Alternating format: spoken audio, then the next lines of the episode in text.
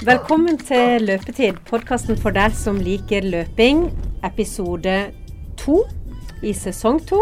Og Kenya spesial, skal vi kalle det det? Ja, vi kan godt kalle det det. Ja, Vi er ikke i Kenya nå, men uh, vi skal ha rett til Kenya nå snart. Ja, for det endelig er du tilbake igjen. Og for de som har fulgt oss, da, så har jo du vært flink til å legge ut masse fine videoer fra disse ti dagene du har vært i Kenya. Ja, jeg prøvde i hvert fall å få med meg litt av det. Det, det jo så, jeg, jeg opplever jo at når jeg snakker med folk, så føler de at de har vært med på hele oppholdet mitt. Og så føler jeg det er bare en bitte, bitte, bitte liten del av det som er kommet ut. Ja. Um, så, men nå skal vi i hvert fall ha litt tid, og vi snakker litt om det først. Og så går vi inn i de opptakene. Derfor har jeg jo sagt veldig mye mer. Sist gang vi snakka sammen, så var du på tampen til å dra til Kenya. Ja. ja. Du hadde en del eh, ting du ønska å finne ut av der. Og du skulle eh, Ja, ta en helsesjekk, og du hadde tatt noen eh, vaksiner, og du skulle begynne å gå på Stemmer. jern. Ja, jeg stemmer. Ja. ja for det no, altså når du skal ned til høyden, så er det noen forberedelser du må gjøre. Det er ikke sånn du bare reiser spontant. Du kan selvfølgelig gjøre det, men da kan du lettere gå på en smell. Så jeg sjekka litt sånn helsestatus, så tok de rette vaksinene. Eh, jern er litt viktig, for når du kommer opp i høyden, så er det si, du tapper litt jernlagrene for å få opp blodverdiene. Du mm. altså Kroppen reagerer med en gang du kommer opp i den høyden der. Så, men jeg fant ut jeg hadde veldig gode jernverdier. Så, Men jeg begynte på jerntabletter mens jeg var der, men jeg kutta bare etter hvert når jeg så at de var gode nok. Nei, ja, så reiste jeg jo. Eh, Jeg husker ikke akkurat når vi spilte inn, men jeg, reiste en fredag morgen. Eh, litt sånn stusslig å reise ned alene, men eh, jeg er jo 43 år, så det skal gå greit. eh, på fly ned til Nairobi. Eh, og med overnatting der. Det er åtte times flytur. da. Det var via Amsterdam til Nairobi, så um, er det overnatting. På, jeg oppfatter at det som heter Nairobi Airport Hotel, det hørtes veldig safe ut. Eh, det var veldig stusslig. Det var, ble plukka opp, jeg fant bare en taxisjåfør, kjørte ut i det jeg var helt sikker på at vi var ute i et sånt slumområde, og at han lurte meg. Eh, han kjørte meg inn i en bakgård. Det ligna ikke på Det ligna bare på at det bodde lokale folk. Mm. Dro meg inn i ei blokk, og der var det en resepsjon. Det var ingenting Oi. som tyda på at vi var inne på noe hotell. Eh, men der sa det ei dame og sa Finn, ja, du skal sove her. Og det sa du ja til. Jeg hadde ikke så mye valg. Nei, eh, det var jo booka på forhånd, så jeg takka ja til det. Og så sov jeg to-tre timer. Henta, ble henta av samme taxisjåføren og kjørt inn igjen da, til Nairobi. Eh, og det funka greit, da. Det, eh, skal ikke snakke mye om det, men i utgangspunktet da, så ble jeg fortalt at bagasjen ble sjekka inn helt fram til Eldoret, der jeg skulle lande. Det gjorde han ikke. Nei. Så når jeg skulle fly videre på lørdag morgen fra Nairobi, så lurte jeg på hvor bagasjen min var. Så sa jeg den er på vei med flyet. Så sa de nei, den må du hente ut. Så det var litt sånn styr. Men det løste seg. Ja. Så var det opp til Eldoré, og der sto det en mann og ventet på meg, en som heter Richard, som faktisk huska meg igjen fra sist. Eller jeg husker i hvert fall han igjen. Mm. Så kjørte vi bil opp da eh, sammen til Eton, som er den plassen som jeg var. Ligger på 2400 meters høyde. Eh, samler 1500-2000 av verdens beste løpere. Så det var liksom der jeg skulle. Og der De siste årene så begynner det å bygges opp noen sånne senter. Jeg bodde på noe som heter Lorna Kiplagat Center. De kaller det High Altitude Training Center. Mm. Um, hun Lorna Kiplagat hun er, hun er vel både verdensmester og olympisk mester. Um, hun starta denne campen. Hun har gifta seg med en mann fra Nederland. Så de starta denne og så tilbyr på et vis autentiske kenyanske forhold. Og så samler de en del europeere, stort sett. Så der var jeg sammen med løpere fra det britiske landslaget, eh, Scottish Athletics, nederlandske landslaget var der. Det var folk fra Italia, fra Ungarn. Møtte folk fra Australia. Eh, litt sånn Ja, men veldig få, da. Så det var ikke noen store grupper. Det er, dette er stort sett veldig seriøse utøvere som reiser for å, for å pike liksom grunntreningsperioden. Men er, er det en greie det at forholdene skal være så spartanske som de Ja, er? det- Eller er det bare sånn det er pga. at økonomien ikke er bedre? Er det litt det de søker? For når du snakker om at det er liksom sånn verdenseliten og sånn, så tenker jeg jo at muligheten for å kunne bygge opp et eller annet mm, veldig sånn fasjonabelt At Ja. noen vil se penger i det, da. Ja, det er et godt spørsmål. Jeg vet ikke om jeg sitter på noe godt svar, men jeg kan beskrive det, det du møter der nede. Det er jo Du reiser opp i en, et fattig land, og en veldig fattig del av det landet. Eh, forholdene som de lokale lever under, er, de er dårlige, rett og slett. De, de fleste løperne der oppe de bor i enten sånne jordhytter eller skur med blikktak. Altså det Hvis de er familie, noen av de, så er det stort sett ett rom. Altså, jeg, jeg treffer jo på masse løpere og snakker med de. Da sier de at de enten så bor alle i ett rom, eller så har de ett felles soverom og ei stue. Um, som regel ikke innlagt noe strøm eller vann eller noe sånt. Så, så det er jo kummerlig. Og eh, på den leiren vi bor i, da er det der er det sikkerhet, og det er vakter rundt. Også, men så bor de sånn Du har et rom og en do. That's it. Og så har du en felles spisesal. Ehm, det er vel litt av greia. Det er i hvert fall det de har sagt der. At de, de vil ikke ha inn noe annet. De vil ikke ha inn noe vestlig. De vil at det skal være så enkelt og spartansk som mulig. Ja. Eh, jeg tror for mange, mange av de som vil bli best, så er det nesten Du må inn i den tilstanden for å bli best. Hvis det er for mange fristelser, for mange tilbud, så, så klarer du ikke hvile nok for å trene nok. Kan det være noe av årsaken til at de blir så gode også? At Ja, de er sultne på å komme seg ut derifra. De er sultne på å De har nok fokus på det de faktisk må gjøre for å bli Jeg- de beste. Jeg tror jo det, og jeg var litt heldig, for det var et trenerseminar samtidig som jeg var der. Og det er litt sånn Afrika-aktig, da, at eh, jeg visste jo ikke om det på forhånd. Finnes ingen informasjon på nett eller i campen. Så eh, plutselig en dag så er det noen av britene som snakker og sier at det, det skal være trenerseminar i morgen, rett oppi her. Og jeg liksom å, nysgjerrig, og jeg snakker jo med folk. Liksom. Hvert måltid så setter jeg meg med et nytt bord og, og snakker med folk om hva de trener og hvorfor de er her. Men da sier de at det, jeg tror det bare går bort. Så jeg møtte opp der klokka ni dagen etterpå. Eh, og det, ja, der var det trenerseminar. Eh, for eh, det var første gang de hadde hatt ikke sant, Dette er knutepunktet for langdistanseløping i verden, men de har aldri hatt noe trenerseminar der oppe. Så de hadde invitert alt av tren lokale trenere. Eh, de hadde eh, kenyanske friidrettsforbundet, det lokale forbundet, universitetet var der. Kenyanske antidoping. Og så noen europeiske trenere som var inne og bidro med noe. Og de snakker jo om det. Hva er, liksom, hva er hemmeligheten? Og det er en som heter eh, Colum O'Collum, som Det er en irs, ire da, som kom til ITN i 1972. Og vært, han har drevet en skole der nede helt siden det. Og, og veldig legendarisk. Den skolen den har tatt jeg tror det er mellom 30 og 40 internasjonale medaljer. da. Og Det er ikke så mange det når du tenker en en enkel skole langt på landsbygda i Kenya. Og det er takket være han, da. Det er liksom han som har stått bak en sånn løpsrevolusjon og satt ting litt i system. Um, og han sier Alle spør jo han hva er hemmeligheten. Og han sier så lenge folk tror at vi er en hemmelighet, så er det en fordel. Men det er ingen hemmelighet, sier han. Eh, han sa det har vært en tysker den er i syv år som har forska på liksom, Kan det være noe genetisk? Og da sa han at eh, vi- Han har sagt til han at hvis han finner noe genetisk, da slutter jeg jobben som trener. For det er ingen tro på at det er noe genetikk. Men altså, det handler om De kaller det mindset, ikke sant? altså tankesettet ditt.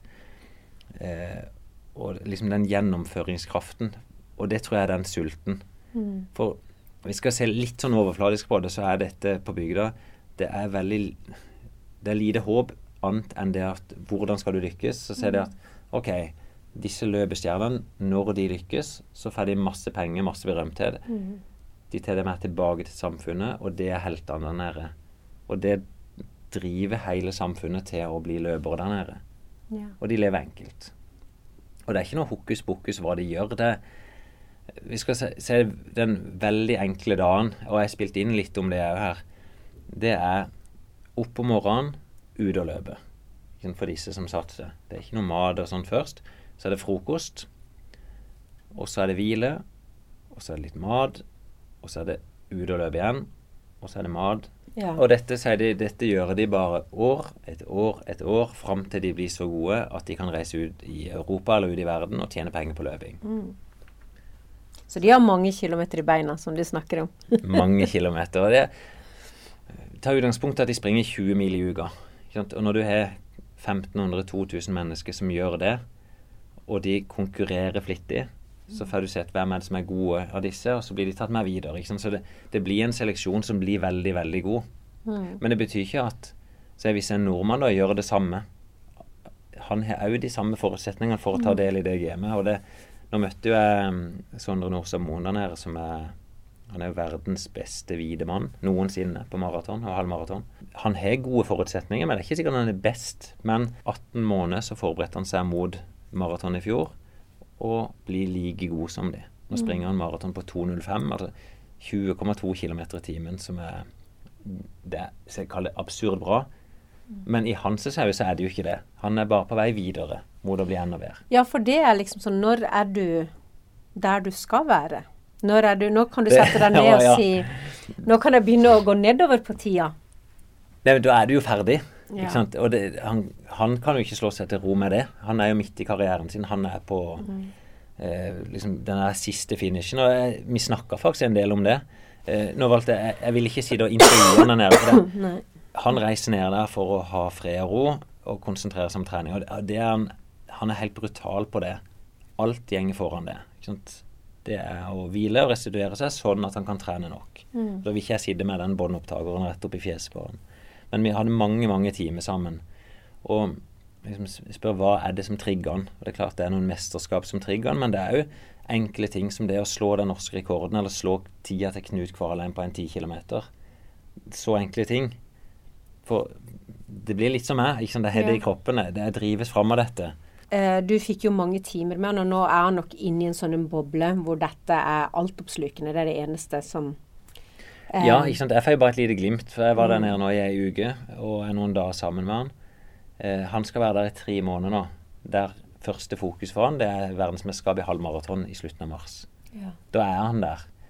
Eh, og da, fra jeg reiser nå, så treffer han nok kanskje ingen andre nordmenn. Da er han treneren sin der, som er en 70 år gammel italiener og så er det eventuelt de som dukker opp på treningsleir der. Og det er veldig mange av verdens beste løpere. Og de trener sammen, da. Han trener sammen med noen av disse kenyatterne. Mm. Men hva, hva, skjer mentalt med en person som på en måte blir så Når han da skal tilbake til, til Norge, eller hvor han bor til vanlig, liksom sånn Forholde ja, seg nei, til alt som er rundt og Kjempespennende. for eh, De har jo noe som de kaller afrikansk tid. Og jeg, mm. jeg snakker med afrikanere om det, og de ler jo litt av det, men de erkjenner at uh, de opererer på det. Og det vil si at uh, tid er ikke så veldig nøye. Det er noe som er cirka. Mm. Uh, du planlegger mer ut ifra hva du skal gjøre, enn når du skal gjøre det. Så sant, For Sondre så, så, handler det om disse så to øktene om dagen. og også imellom der så hviler han og spiser når han måtte ønske det, og kjører massasje. Eh, og han sier det når han kommer hjem til Norge i jula, så da skjønner han at han har levd i en annen verden. For da må han plutselig forholde seg til at det er et juleselskap som begynner klokka to. Og da må han ha gjort ferdig plutselig det andre i forhold til det. Så han styrer ikke øktene sjøl, da. Og det han, da opplever han det som stress. Ja. At jula er stress istedenfor Når han kommer ned nå, så kan han konsentrere seg om det han faktisk skal mm. gjøre, og det er å bli god til å løpe. Ja, for vi har jo veldig mange I vårt samfunn så gjør vi nesten det motsatte av det kenyanerne gjør. ikke sant? Mm. Vi er veldig opptatt av det rundt. ikke sant? Og så prøver vi å skvise treninga ja, innimellom. ikke sant? Vi skal ja. skvi, trening er noe vi skal få til innimellom alt det andre. Og så må vi passe på at vi har de riktige tingene, at vi har de riktige forutsetningene, at det er det riktige været, ja. riktig grunnlag med de riktige skoene. Og da først kan vi faktisk begynne å løpe. Ja. Og det er veldig sånne uttrykk som sier at se, oss i Vesten, vi har klokka, mm. mens de har tida. Ja. Og jeg tror det er en veldig viktig forutsetning for å bli så god du kan bli. Men så en kan jo ikke snu det heller og si det at uh, jeg kan bare forholde meg til det. Også i min verden med jobb og barn og familie. Mm. Si at uh, ja, men nå velger jeg å leve som en kenyaner. Det blir et veldig brutalt valg. Men jeg ser nok at de som gjør det, så er sjansen stor for at de lykkes. Mm. Men jeg tror ingen må tenke at det er veldig lett, det som eh, det de gjør. Det er brutalt hardt. Det er hardt arbeid dag for dag. Og, og jeg, ser, sant, jeg, ser, en utøver der som han, han pusher grensene på det som er mulig liksom uke for uke. Eh, det vil si han springer fort på øktene. Jeg kan prøve å beskrive litt av treninga som han gjør. Han for eh, Bare det med Altså, se han springer mellom sånn, stort sett da, 20 23 mil i uka. Altså vil si ca. 3 mil hver dag, fordelt på to økter. Eh, utgangspunktet hans er at når han springer, så springer han 3,40 ca. på kilometeren. 3,40 til 3,50. Altså 16 km i timen. Mm. Sånn pluss-minus. Og da må jeg huske 2004 meters høyde. Og terrenget er enten opp eller ned, og det er på grusveier. Så hva det tilsvarer i lavlandet, blir jo litt sånn spekulasjoner, men kanskje en plass mellom 3,20 og 3,30 da, hvis han hadde løpt flatt her hjemme i Norge på asfalt. Mm. Så det går fort. ikke sant? Og det er de rolig. Det er liksom hans mengdeøkter, restitusjonsøkter. restitusjonsøkte. Og så kommer hardøktene i tillegg. Og jeg syns jeg sjøl prøver å strekke begrepet hva, hva er tøffe økter. Eh, så syns jeg nok Sondre og de strekker det veldig for meg igjen. Ja, for det, det, det, slo meg jo på mange av de videoene som du har lagt ut, at du så mer sliten ut enn det jeg har sett deg før, da. Ja, eh, og det tar noe tid å bli vant til høyden. Eh, jeg var jo bare i høyden i syv dager, og det er liksom akkurat da forvandlinga begynner å skje. Mm. Så jeg, jeg, hadde det veldig tøft. Eh, du sover dårlig på nettene, og det, du restituerer ikke så godt som du gjør hjemme i starten. Så, mm. så, ja, det ble veldig tungt. Og jeg prøvde jo. Det er klart at jeg, selv om jeg er god løper, så i forhold til Sondre så blir det veldig, veldig langt bak. Mm. Og når han skulle springe 19 km i 3.40-3.50 fart, og jeg, jeg, må slippe etter to, så føles det stusslig. Mm. Men det er fort å springe 3.40 der oppe i høyden så tidlig. Men som trener, da. Eh, det, den erfaringa du får med deg ved å faktisk måtte slippe opp og måtte liksom la deg gi etter for det, hva, hva, gjør det med deg? Nei, er litt, det er litt sånn jeg tenker som trener at en ting er å observere og se hva andre gjør, du lærer litt av det, men det er noe å gå inn i øktene òg. Og det, jeg var med på en fartslek sammen med han der han sprang ei oppvarming, og så gjennomfører han én time fartslek. Eh, papiret så ser det så greit ut, men når jeg ser liksom den skikkelige oppvarminga han gjør, det er, liksom, det er fokus. Han, han, springer progressivt på oppvarminga. Han forbereder seg som til en konkurranse, kjører stigningsløp. Sånn at når vi starter, så er han krystallklar på hva han skal gjøre. Mm. Og han bare gjennomfører liksom til punkt og prikke. Og jeg møter meg sjøl halvveis i økta og tenker jeg trenger jo ikke gjøre dette. Jeg er jo bare trener oppi dette. Mm. Men så tenkte jeg hvis jeg skal på et vis kunne sette meg inn i utøveren. Altså, hvis jeg skal gi den økta til en utøver, så må jeg vite litt åssen det er. Mm. Eh, og da, da, kjenner jeg at dette er jo forferdelig hardt. Men etterpå så, så har jeg jo noen råd til utøveren. Åssen gjennomfører det sånn ei økt? Mm. Eh, hvilket nivå er det sånn er på i forhold til der du er? Hva må du gjøre for å komme dit? Så jeg, jeg føler jo sjøl at jeg lærer ting. Mm. Og så er det ikke sånn at jeg lærer alt ifra han, men jeg prøver jo å plukke opp som jeg sier, hva er det britene gjør, hva er det nederlenderne gjør? Hva forteller de kenyattene sjøl at de gjør? Mm. Uh, og så blir det liksom en, du, du, begynner å se en rød tråd, da. Mm. At det handler kanskje mest av alt om dedikasjon, masse mengder over tid, og en del hardt. Uh, I et sånt et miljø da, hvor det er så mye konkurranse, og er, de er der så fokusert på det de skal bli best på. Ja. Hvordan er det sosiale? Er de villige til å dele med hverandre? Tar de vare på hverandre? Eller er det veldig sånn at én uh, utøver med én trener, that's? Nei, inntrykket mitt er at alle deler med alle. De, de møtes til måltidene, de snakker sammen. Hvis de møtes på treningstur, så trener de ofte sammen. Det finnes jo ulike grupper, men det er mer sånn praktisk at du kan ikke springe rundt 400 stykker hele tida. Mm. Eh, så overraskende liksom, høy grad av at de deler alt de gjør. Så ja, det var sånn, kunne sette meg ned med hvilke som helst bord og snakke med folk. Og spørre de, og de forteller hva de gjør. Og jeg spør de jo sant, hva skal de ikke ut og gjøre nå, og de forteller og hvorfor de gjør det. Så til en ting til når du sa måltider. For vi får jo av og til litt sånn spørsmål i forhold til sånn eh, Om de skal ta noen ekstra eh, sånn pulver eller proteinting eller sånn der. Ja. Det var jo ikke mye pulverbasert mat nei, du hadde på nei, menyen.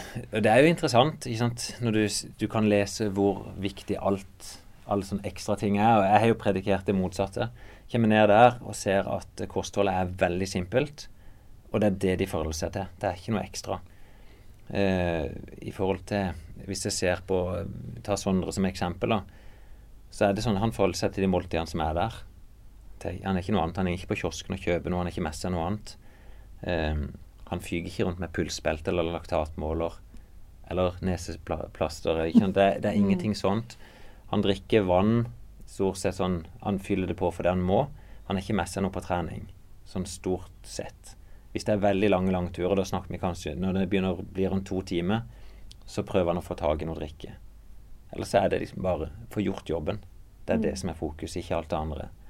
Bitte grann basisstyrke, bitte grann fartstrening, altså i form av spurt noe i motbakke.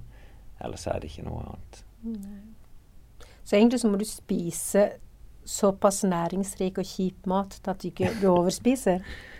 Det er viktig, det òg. Altså, til slutt så er jo maratonløping en form for vektidrett ned til et visst nivå. Mm. Du må være lett, du må være skinny, men det er klart noen misforstår dette. Og så idet du begynner å skal kontrollere det, mm. så tror jeg nok det er feil for mange. Ja.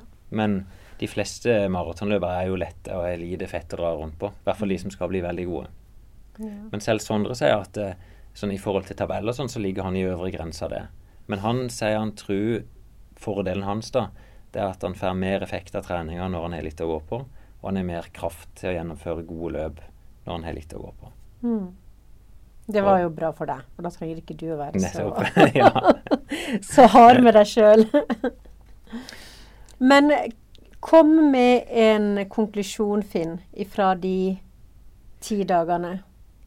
Ja, det er veldig inspirerende i hvert fall. det er nok ikke sånn at dette er plassen jeg anbefaler folk å reise. Du, det, du reiser ikke dit på ferie, det er ingen ferieplass. Det, det er beinhardt, syns jeg sjøl, å være der oppe. Det er ingenting å gjøre. Altså, jeg tror du må være minst så interessert jeg i trening før du syns det er gøy der. Eh, for jeg syns det er gøy å snakke med folk, men det er veldig hardt å være der. Eh, de som blir gode der oppe, de er dedikerte, de er der over lang tid. Og, og, de trener mye og hardt, men gjør ting veldig enkelt. Det er nok det jeg observerer. Kenyaneren kenyanerne sjøl og treneren til kenyanerne sier i utgangspunktet, litt sånn forenkla, at alle har, alle har muligheten. Det, det, overrasker meg faktisk litt. For mange sier jo liksom hvor viktig det er å begynne tidlig, og du kan oppdage talent tidlig. Men de trenerne som jobber med kenyanere, sier at eh, ikke glem at noen utvikler seg sakte, og noen utvikler seg fort. Og De hadde masse eksempler på utøvere som ikke var så gode som junior, men som blir verdens beste som senior. Ja, og Det, tenk, det syns jeg er viktig til alle trenere. At du, har, du må tørre å ha trua på folk. Altså Folk som er villige til å gjøre en god jobb, de blir veldig gode. Og så er det selvfølgelig noen få som blir ekstra gode. Mm. Og kanskje de som ikke er så gode som juniorer, de lærer seg det med å slite litt mer, da. Ja, det sa de faktisk på trenerseminaret òg, at eh, du bør nok aldri ta utgangspunkt i at en, de som har vært veldig gode, at de blir gode trenere. De mm. beste trenerne sier de, det er de som aldri lykkes som utøvere sjøl, for de har ofte prøvd mer. Mm. Ja, det er jo noe med det. Å ja. forstå det å ikke være ikke flyte på det, liksom. Ja. Så det jeg skal prøve på, er å bringe dette litt videre og mm. ha litt foredrag for utøverne mine i klubben. Og så prøve å inspirere folk gjennom noen artikler i avisene osv. Kunne du, du sa jo at det var et tungt opphold, og det å reise alene som 43-åring, det er ikke noe å anbefale? Nei, det, det, det, gikk ganske greit, og det tror jeg takket være at jeg er ganske sosial. Ja. Og, ja. Men var det sånn at når du skulle reise hjem, at du ble litt sånn der søren skulle ønske jeg hadde mulighet til å være her i tre måneder og Nei, jeg er nok ikke der. For meg så har det blitt for sært. Jeg syns i utgangspunktet var dette greit. Hvis nå skal jo jeg springe et maraton i London. Det surrer litt sånn i hodet mitt at jeg har lyst til å reise ned et par uker i forkant av det. For mm -hmm. det er jo enkelt å få gjort veldig mye trening. Veldig mye enklere enn å gjøre det her hjemme. Mm. Um, det er alltid tungt å stå opp om morgenen, men det er lettere der nede når du vet at det, du treffer løpere der ute hver dag. Mm. Ja, for det er jo. Du ja. løper jo ikke alene. Så det er ikke inspirerende å komme tilbake til snø og sludd, men jeg har med meg noe i bagasjen som sier at ok, hvis jeg faktisk skal nå de målene så må jeg Her er i hvert fall en del ting jeg må gjøre, og jeg vet at det er andre folk på andre sida av jorda som gjør akkurat det samme. Mm. Det var fint. Skal vi inn og høre litt åssen det gikk? Ja, jeg, jeg håper ikke jeg oppsummerte for mye, men eh, i hvert fall gå innom disse klippene og så prøve å fange situasjonen litt. Grann.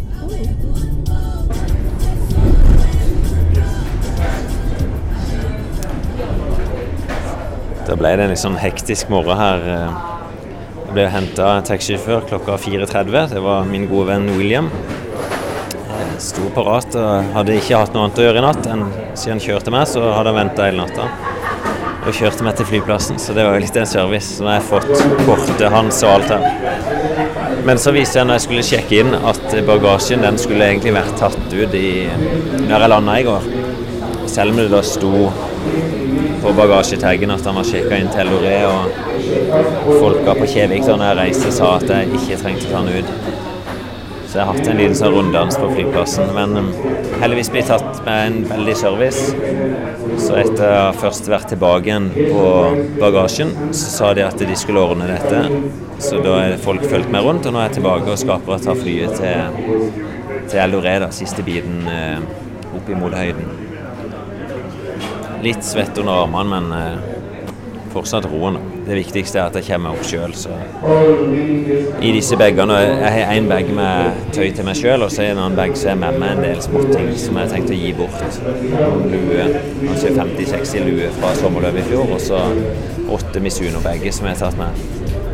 Som var gavepremie til sommerløpet. Så satser vi på at bagasjen dukker opp på andre sida.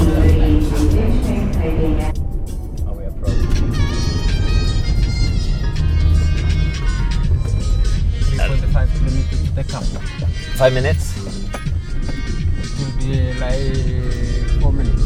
Four minutes, that's nice. Yeah. Ja, Da sitter jeg i bilen på vei opp til Iteen, til campen. Eh, flyturen gikk jo veldig fint. Eh, bagasjen kom, og jeg ble møtt av faktisk en gammel kjenning som heter Richard, som eh, jobba i resepsjonen da vi var her for fire år siden. Jeg kjente han igjen, han kjente ikke meg igjen. Men når jeg viste han bildet fra meg og her, så begynte han å, å huske noe tilbake. Så det er ganske spesielt å kjøre på disse veiene oppover her til ja, egentlig i Kenya i det hele tatt. Eh, Det er jo venstrekjøring, sånn som i England. Eh, Men det er ikke alltid så lett å skjønne, for det kjøres egentlig på høyre og venstre side. og Det er sånn sammensurium av gående og sykle og mopede og matatu og biler. Og veiarbeid og folk som labber rundt forbi. Så det er veldig, veldig fascinerende å se.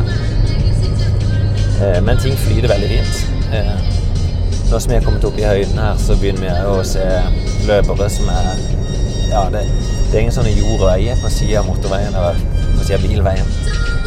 Og nå er løperne begynt å dukke opp. Klokka er halv ni cirka. Og det han sa, at veldig mange har ukas langtur på lørdag.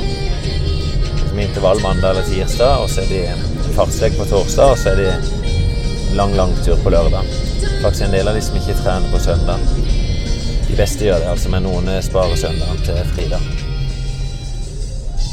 Så, men i hvert fall straks framme har vært en fin tur, og nå gleder jeg meg til å komme på plass. Jeg vet ikke om jeg klarer å fange inn disse lydene, da, men det jeg prøver å få fram, det er gresshoppene som kvitrer ganske sånn fritt eh, rundt oss. Vi er jo eh, på veldig sånn øde oppe på fjellet, egentlig. Som jeg sa tidligere, på toppen av, eller langt inn i det som heter Rift Valley. Og faktisk rett bortenfor her vi ligger, så er det en sånn skrent så går det fra 2400 meter så helt ned til 1000 meter. Og hvis en skal på safari, så er, en, er det bare Ja, hvor langt kan det være? Kanskje en eh, time å kjøre da, ned i dalen, så er du nede i et litt mer sånn viltområde med hvor det er elefanter og sjiraffer osv.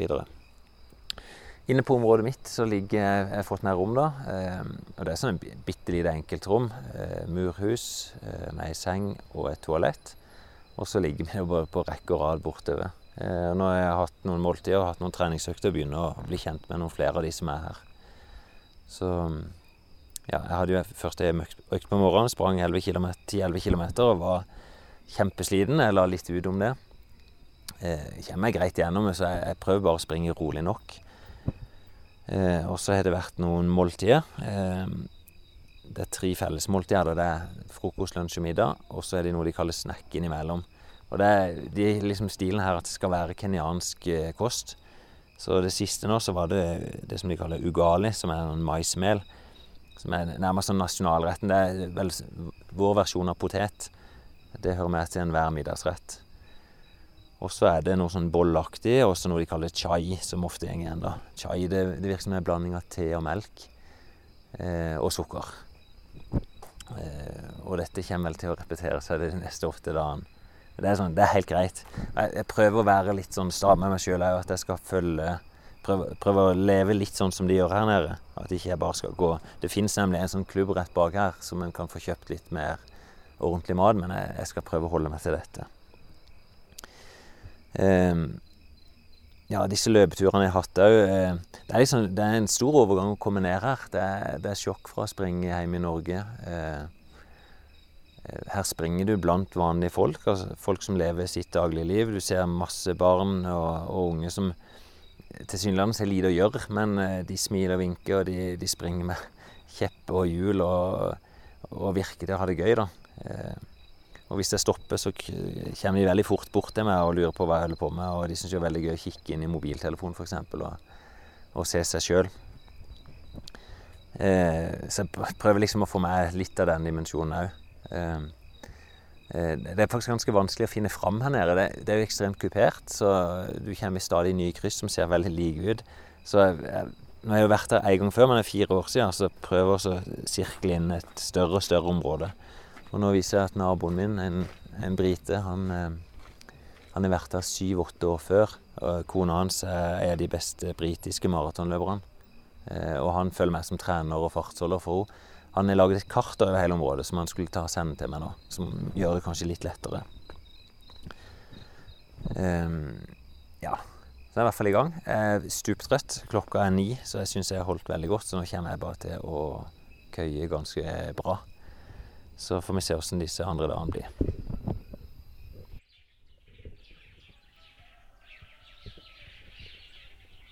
Jeg håper ikke å hører noen av de flotte lydene.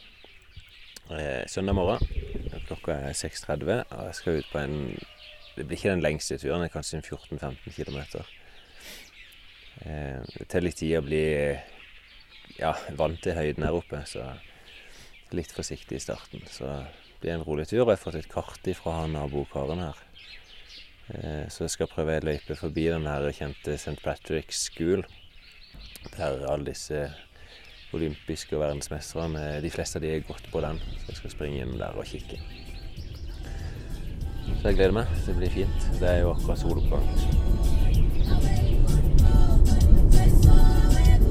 Så er vi på dag nummer tre her i Kenya. Jeg er akkurat ute og spaserer en liten tur på vei ned til et sånn utsiktspunkt og et hotell. Et litt finere hotell enn der jeg bor sjøl. Noe som heter Carrier View. Jeg tenkte å ta lunsjen her. Klokka er ca. tolv nå, da. Jeg eh, kan ta litt sånn om det jeg har gjort så langt. Eh, I går som var dag nummer to, da, så liksom systemet her er ute og springer på morgenen. Eh, Seks-halv sju-tida. Så jeg, i går var jeg ute halv sju på morgenen. Og så ut igjen på ettermiddagen. Sånn i ja, fem-halv seks-tida. So, altså sola står opp 6.40, og så går hun ned 6.40 på kvelden igjen. Så jeg prøver liksom å få maks spenn mellom de to øktene. Eh, det er jo fortsatt veldig tungt å ut og springe. Det er, eh, det er jo bare enten opp eller ned her i, i Iten. Og flatt og ned, det funker greit. opp er bare tungt. Eh, og det skal det være. Jeg snakker med, med andre utøvere som er på treningsleir nede, og de sier akkurat det samme. At de som har vært her flere år de trenger noen dager før kroppen begynner å adaptere til denne høyden. Jeg møtte han ene fysiologen på det britiske landslaget her i går. Han sier at f.eks. oksygenmetninga ligger på rundt 90% mens vi hjemme i lavlandet ligger den på 100 Så liksom du er hele tida redusert. Så du restituerer seinere, og alt er litt tyngre. Um, så er jo dette Det er en plass det er, veld, det er veldig lite å gjøre. Eh, vi er jo bare på landsbygda, og det er ikke noe tilbud. Jeg prøvde å spørre litt av de som som jobber her, og de sier at eh, nei, det, det er i grunnen ikke noe. Så i går labba jeg til et utsiktspunkt og kikka bare utover dalen. Vi er jo på toppen av sånn noe som heter Rift Valley, som strekker seg opp igjennom eh, Kenya. Um, og vi ligger liksom bare på ei side av den her. Um, og da når vi er på kanten, skal vi se ned på jeg kanskje ned mot 1000 meter, er det vel, uh, i Bonnadalen. Der det både fins elefanter, løv og sjiraffer osv. Men det fins jo ingenting av det her oppe. Det er litt for høyt for det. Så temperatur og sånt her er jo det er ganske kaldt på nettene. 12-14 grader. Og så blir det kanskje 20-25 grader på det varmeste. Og det, vi ligger ganske nær ekvator, så dette er rytmen stort sett hele året. Med unntak av at de har nå to sesonger med litt regn tid. Eh, jeg er jo alene her nede, men jeg treffer jo folk. Nesten, hvis jeg labber på veien, så stopper disse kenyanere, eller ofte kenyanere og begynner å snakke med meg. Um, og så bor jeg jo sammen med en del andre europeere på dette treningssenteret. Så til hvert måltid så samles vi jo og treffer de. Og da teamer jeg bare opp med de og, og prøver å snakke med de. Noen er snakkesalige, og noen er ikke. Hei. Um, det hotellet skal ned på nå, der bor jo han Sondre Nordstad Moen. Uh, han var på et terrengløp for to dager siden, på vei ned nå. Så jeg vet ikke akkurat når han kommer ned. Vi har bare avtalt at vi møtes her etter hvert. Så nå bare labber jeg ned tar en lunsj i hvert fall. Og avtalte med en britisk utøver som Han har faktisk fått høydesyke. Så han har vært her nå i syv-åtte dager, og så må bare reise hjem igjen, for kroppen er bare helt i ulage. Eh, vi er så høyt da at eh, det blir liksom influensalignende symptomer på noen. da. Noen av britene sammenligner det med å ha ja, Hvis du er dagen derpå da, etter hvert på fylla, sånn føler du det hele tida. Og um, det er vanskelig å komme ut av tilstanden hvis du bare er på samme høyde, så da må du enten selvfølgelig reise hjem, da funker det. Eller bare reise ned kanskje 500 eller 1000 meter og være der en dag eller to før du reiser opp igjen. Men han kameraten her han var, han var så redusert nå etter tre-fire dager uten å få spise ordentlig at han valgte å reise hjem tilbake til England og droppe de siste tre ukene av høydeoppholdet. Eh, ja, planene de neste dagene òg, det er Jeg skal prøve å opprettholde liksom, å få løpt to økter om dagen. Jeg, jeg springer ca. 25 km, det er målet hver dag. Så fordeler jeg det på en 10-12 km på hver økt. Eh, så forventer jeg jo egentlig at det vil bli gradvis bedre. Eh, jeg håper å være med noen av kenyattene på noen fellesøkter. De har bl.a. en sånn fartslek til torsdag. Og så tenkte jeg å prøve å finne ut om det er noen av de som springer noen intervaller noen plass, og kan følge de opp der. Jeg er litt spent på om det er mulig å være med Sondre på noen økt. I hvert fall ut ifra det jeg har lest fra han, så så springer han stort sett 3,40 til 3,50 på kilometeren. Og det, det, er veldig fort her oppe i høyden. Hi, friend. Og det, det, blir for fort for meg her oppe i høyden. Men det får vi se. Men det var en liten sånn start. Skal bort hvor vi er nå. That is floating fine.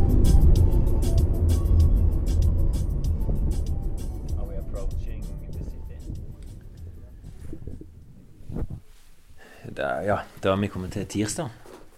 Da sitter jeg her klokka er 6.45, kanskje. Eh, sitter jeg meg klar til neste morgenøkt. Det er egentlig sånn slag i slag i morgen og ettermiddag. Eh, beina begynner å bli alvorlig såre, da, men litt, kanskje litt lettere på turene i går enn det har vært de to første dagene. Eh, det som er nå, nå skal jeg ut og, og springe sammen med Sondre Nordstad Moen. Eh, litt sånn spent på jeg bare lest litt om hvilken fart han har holdt på turene. Klart Han er jo en maratonløper som springer en halvtime fortere enn meg. Um, om det vil gå i det hele tatt. Så ehm, jeg forbereder meg litt på en ganske tøff tur. Han skal ha 19 km.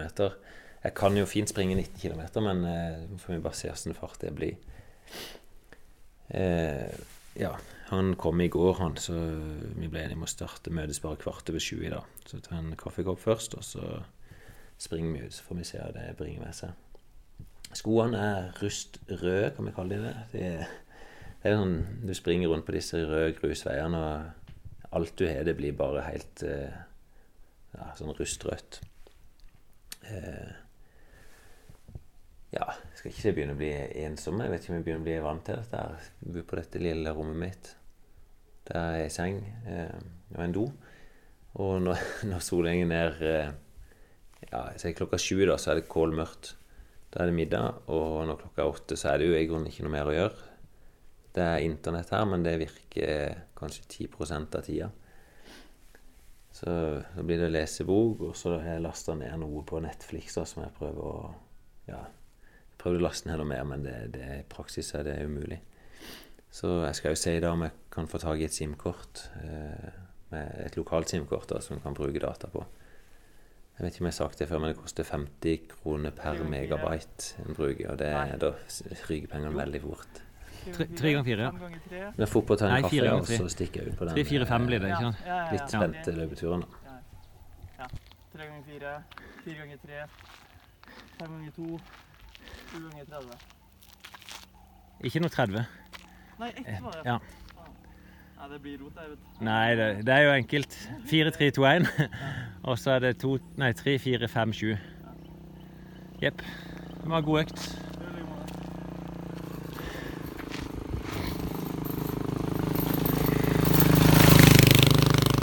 Tre, fire, fem, sju. Ja.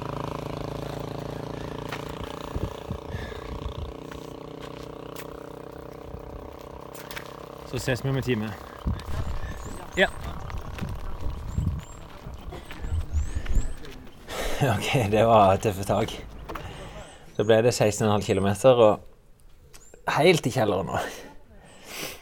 Jeg møtte Sondre oppe klokka sju. Nei, kvart over sju. Eh, Jeg hadde et lite håp om at han kanskje tok det litt rolig på første dagen i høyden. Eh, Da hadde han gått opp, det er ca. en kilometer å gå opp til veien, så han var litt varm, så han sa ja, vi kan like godt hoppe i det. Vi begynner 3,40 fart. Og det er ganske fort her oppe. Vi er på 2400 meter. Det, er ikke så galt utfor eller flatt, men eh, med en gang du møter en motbakke, så er det jo helt forferdelig. Eller for meg. Så han tok litt hensyn av at vi starta ned eh, ja, nedover Mod Eldoré, da, så går stort sett utfor. Eh, men ganske brutalt for meg å bare starte i den farta. Eh, han sjøl sa jo òg at han syns det er litt ubehagelig nå i starten, men at etter tre-fire dager så begynner det å komme seg. Så sånn sett, eh, det at han kjenner på det, det er vel betryggende nok til at jeg burde kjenne det. Så etter kanskje 500 meter så møtte vi første motbakken. Eh, da rakk jeg stivene, og så gikk det en kilometer til utfor, og så en ny motbakke. Og da var det slutt. Så ble det to kilometer i hans fart. Så måtte jeg bare slippe han og, og kjøre megafart. Eh, det var, jeg skal ikke si jeg var helt i kjelleren. Jeg kunne jo kunne sikkert holdt hvis det var et løp, men, eller holdt lengre. Men eh, da stivna jeg i beina, så måtte jeg bare la han gå. Så møtte han eh, ja, Han hadde en runde der møtte han der, og så sprang jeg tilbake. Så ble det 16,5 km. Men litt artig å se, se hvor tøft det faktisk er her nede. Og jeg er veldig imponert, altså, hvordan han er tilvent seg dette. Og, og bare sånn, inn i tunnelen og gjennomføre disse øktene helt sånn som man planlegger. Har få. Nei, det, det er gøy, men tøft. So instead of uh, very often they come from fairly humble backgrounds and they make a lot of money. Their first tendency is to move out of the area and build in a very exclusive part of town or the country upmarket. Be 10. You walk down the road, you meet world champions, Olympic champions, world record holders. They're there, right here. Within a kilometer of here, you'll find them all. Living, training, working. A fantastic inspiration and role models for our young people. They see them, they know them. And that is a big plus for us as coaches, that we have a, a very close connection between our elite athletes and our upcoming athletes. That's important. So, in more recent times, um, we have we the sport developed from being kind of among young people, from being school-based and school competitions and schools taking care of the training of athletes, to training camps, youth training camps. The first youth training camp was started in St. Patrick's in 1989. Almost 30 years ago. and it is still alive and well. Again, school based, taking care of the young people, making sure they're getting an education and also a training. Now, one of the challenges we have for our county is that our schools, and I say this in all honesty, our schools are in many cases not playing their full role in the development of athletics in our country. We have masses of talent, but our schools have not, like the good old days, we can say, have not done their share in terms of nurturing talent. For those of you who are from overseas, in Kenya, we are about to develop a new curriculum in education. We are, it's beginning slowly, it's being introduced by our um, cabinet secretary. He's rolling out a new curriculum. And the new curriculum, as far as I understand it, if there's educationalists here, they can correct me. As far as I understand it, is that any young person with any talent, not just academic, but with any talent, will be given an opportunity in their school to develop that talent. And that for us includes athletics. So if we have a young boy or girl in school, the school has an obligation and a responsibility to develop that talent and give the necessary support to that young person to develop that talent because we are beginning to see gradually as time goes by that careers have become much more diversified than they were traditionally. Traditionally, many people just saw academic careers. But now there are so many other careers that have come to the fore that we have to, our education system has to start looking outwards rather than inwards. And because of that, we hope some of our schools will take up that new challenge and start paying more attention to, in our case, athletics. Because that, uh, in a sense, the training camps have almost replaced the schools as the source of our athletes, which is unfortunate. It should not be replacement. It should complement. They work together. Not replacing. But unfortunately, Signaler. Jeg sitter på trappene og gjør meg klar. Jeg skal være med på en sånn kenyansk fartssteg da, med jeg vet ikke, det kan være 200-300 kenyanere. Er fast hver torsdag her nede i, i Ten så møtes bare alle som vil eh, i et veikryss. Det er ca. fem kilometer herfra, så jeg springer rolig ned dit. Eh, jeg har avtalt med en annen, en kenyatt, en som de kaller Bekele, som uh, han var med i transporten fra flyplassen opp, så jeg har avtalt at han uh, dukker opp her hos meg nå klokka halv ni, så springer vi sammen her. Uh, det, blir, det blir ikke sånn all out i dag. Jeg skal løpe med Sondre i morgen, en fartslegg eh, på morgenen, så, men jeg vil i hvert fall henge meg på så få med meg litt av stemninga der nede. Og, og kjenne litt på åssen det er å springe fartslegg. Jeg var rundt den samme løypa i går bare for å se.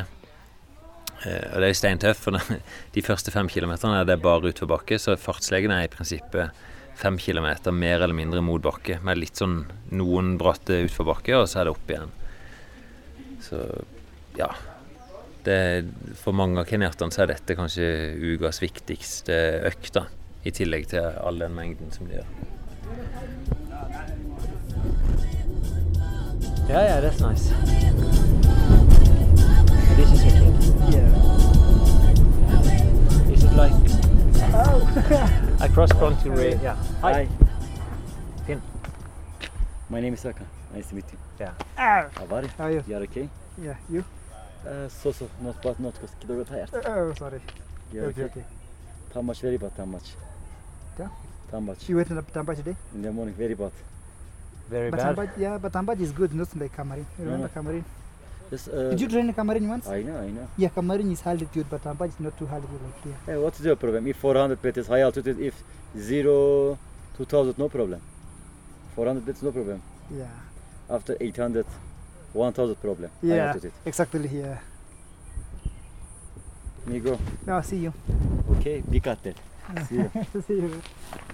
Bekele, you have these ones. Yeah. And if I ask you again about how you eat, so to me, say in Norway it's normal to eat breakfast, lunch, dinner, evening, and also in between. But if you tell me uh, again, you told me when we were running, uh, how is your day? Like eating and training. Yeah. Yeah? It's like yeah, we start like he running morning. Yeah, and morning for you is probably around six. Yeah, running six. Yeah. After that, seven you or eight you take breakfast, rest the whole Yeah. day after the lunchtime. But you You say you, you don't drink or eat before. before yeah. before running? Yeah, before running. Yeah. And you said breakfast for you. What is that? Mm, tea and bread sometimes. Yeah, yeah, yeah, we can say tea and bread. Yeah. And, uh, that's and, only. and when you say sometimes bread, why is that? If some sometimes if you don't have money, you have to take only tea. Only tea. Yeah. Yeah. Tea with sugar. Yeah, tea with Yeah, sugar. Yeah. yeah. Then you rest. Yeah. You rest. Because you are a runner. Yeah. You focus on resting. yeah. And then lunch. Lunch you eat light food because at evening you have to go another train. Yeah. So you have to eat like light food like rice, potatoes. Yeah. So rice and potatoes. Uh, yeah. Around ten. No, around At- twelve o'clock. Twelve o'clock. Yeah. Yeah. And then you go for training. And then you. go And, and you say training in the morning. What should that normally be? For you, a, a typical training in the morning. yeah difficult like long distance in the morning Yeah, that's good. What is long distance? like b- between 15 to 20 kilometer. Yeah. In between there. So running fast or easy? Fast. Fast. Yeah, moderate. Not fast. Sometimes fast. Sometimes moderate. Yeah. Yeah. Yeah. So you run 15 to 20 kilometers in the morning. In the morning. You have lunch, and then you run again in you the run evening. again in the evening. Yeah. Easy run. Do you eat anything before you go out running? Afternoon, no. No. No. And then you have dinner. Yeah. After Yeah. that, you get uh, dinner. Yeah. Ugali with vegetable. Something. Ugali. Yeah. Something heavy, not light. Yeah, and heavy for you is ugali. Ugali, that's that's rice, That's isn't it? right. No, no, no, not rice. No, uh, sorry. Um, what do you call it in English? Ugali. Yeah, ugali, but uh, maize. Maize. Yeah. Yeah. That's for ma- yeah, Yeah. made for maize. Then you do that with your chil- children also. Yeah. Yeah, because they come back to sc- from school and you From the eat as school, them. yeah. Do you eat um, in the evening again before you go to bed? No. No. No. So, so three times a day. Three times a day. So, but the worst days you, you actually say you have tea in the morning. Tea in the morning. Yeah. Some rice Some rice. and then ugali in and the then evening. ugali in the yeah. evening, And that's all. Yeah. Yeah. And as you described to me, there is uh, not uh, enough money to buy meat. Yeah. Yeah. Yeah. You take vegetable. If you had some uh, money to get uh, meat, Yeah. you get meat like two times a week. Yeah. Yeah. Yeah, Not every that, that, that would be normal, yeah, two times a week. Yeah. yeah. Do you, but do you feel hungry when you go around when you're running? No, no. No. Yeah, you do. But but you are not that skinny, are you? Yeah, my body is like Yeah, yeah. It, it's like this. yeah, Maybe 57 kilos. 57. Yeah, 170. But sometimes when I get uh, rest, uh, no running for like sometimes I get up to 68 kilos. 68. Yeah. okay. Yeah. So, Yeah. so you get some uh, food sometimes. Yeah, Yeah. yeah. Yeah, to, to me, it sound, seems like you uh, eat very little when you are running that much because you say you run maybe 25 kilometers every day. Yeah. Yeah, at least. Yeah. Training twice every day and eating seems quite little. But you maybe eat a lot of ugali. Yeah, a lot of kali in the evening. Yeah. Even Yeah. So you feel really stuffed when we yeah, go to bed. yeah. And then you go to bed. Yeah. Yeah. Yeah. Good luck. Maybe maybe we'll see you in Norway. Yeah. Yeah. I cannot guarantee it because uh, it can be difficult to get runners to Norway. Yeah. Well, I think that's all. Okay, Mister. Thank you. Yeah. Yeah. I did.